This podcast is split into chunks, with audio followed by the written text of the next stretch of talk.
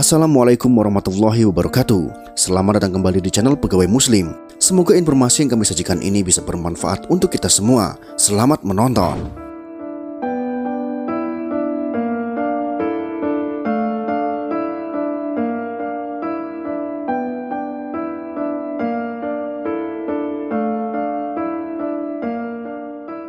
Ular adalah hewan yang ditakuti banyak orang Ular memiliki bentuk tubuh panjang yang bisa berjalan dengan sangat cepat dengan cara menjalar.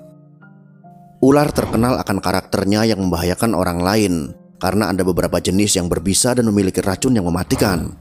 Ia juga bisa membunuh dengan cara melilit. Ular menjadi hewan yang diwaspadai semua orang dan menjadi hewan yang sering dibunuh karena dikhawatirkan membahayakan nyawa manusia.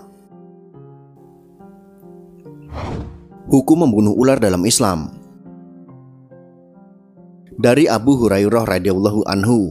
Ia berkata, Rasulullah shallallahu alaihi wasallam bersabda, Tidaklah kami pernah berdamai dengannya sejak kami memusuhinya. Maka barang siapa yang membiarkannya lantaran rasa takut, maka ia tidak termasuk golongan kami. Hadis riwayat Abu Daud, nomor hadis 4139.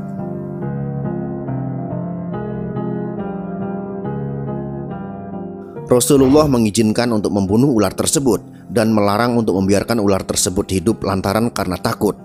Sehingga dari hadis ini jelas bahwa hukum membunuh ular dalam Islam adalah halal, bukan termasuk dosa yang tak terampuni. Boleh dilakukan jika memang membahayakan nyawa dan dengan niat melindungi diri. Membiarkannya karena rasa takut justru tidak diperbolehkan, karena dikhawatirkan akan membahayakan nyawa orang lain. Mari langsung saja kita bahas kisah tentang ular yang merindukan Rasulullah Shallallahu Alaihi Wasallam dan menunggu kehadiran beliau di Gua Thur. Berikut ini adalah kisahnya.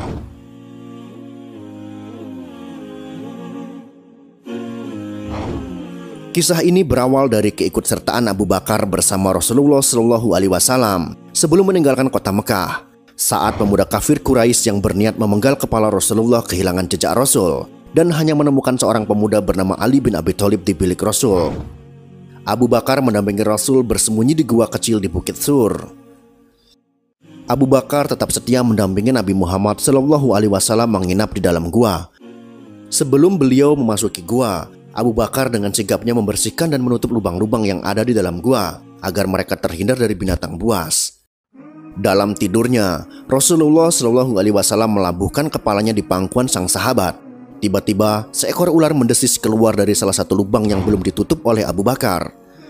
Abu Bakar menatapnya waspada, ingin sekali ia menarik kedua kakinya untuk menjauh dari hewan berbisa tersebut.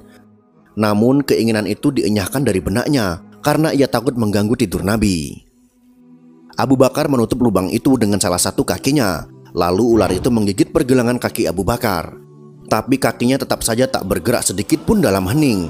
Sekujur tubuh Abu Bakar terasa panas, ketika bisa ular menjalar cepat ke dalam darahnya.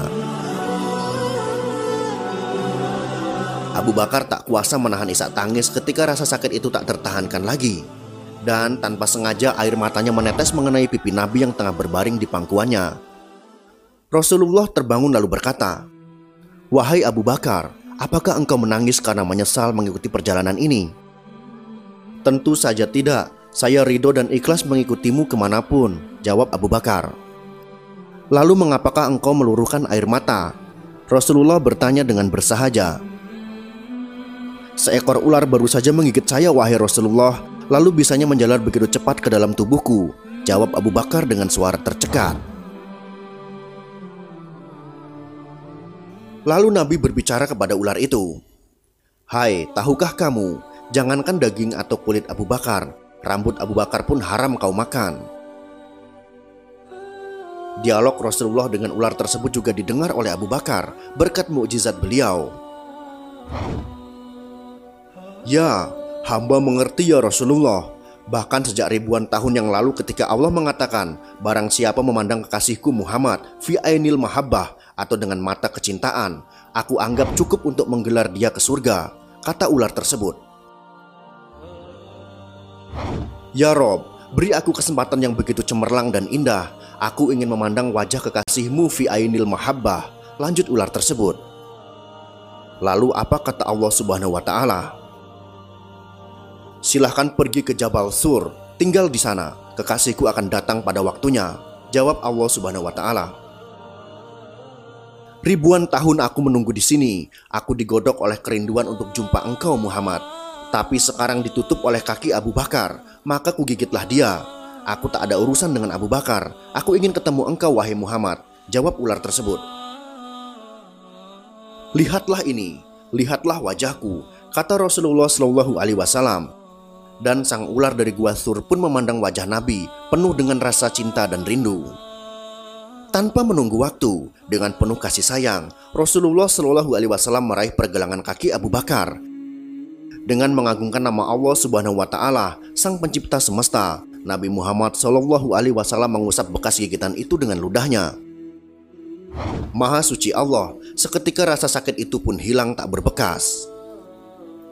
Gua Sur pun kembali ditelan senyap. Kini giliran Abu Bakar yang beristirahat dan Rasulullah Shallallahu Alaihi Wasallam yang berjaga. Abu Bakar menggelengkan kuat-kuat ketika Nabi menawarkan pangkuannya untuk beristirahat. Tak akan rela dirinya membebani pangkuan penuh berkah itu.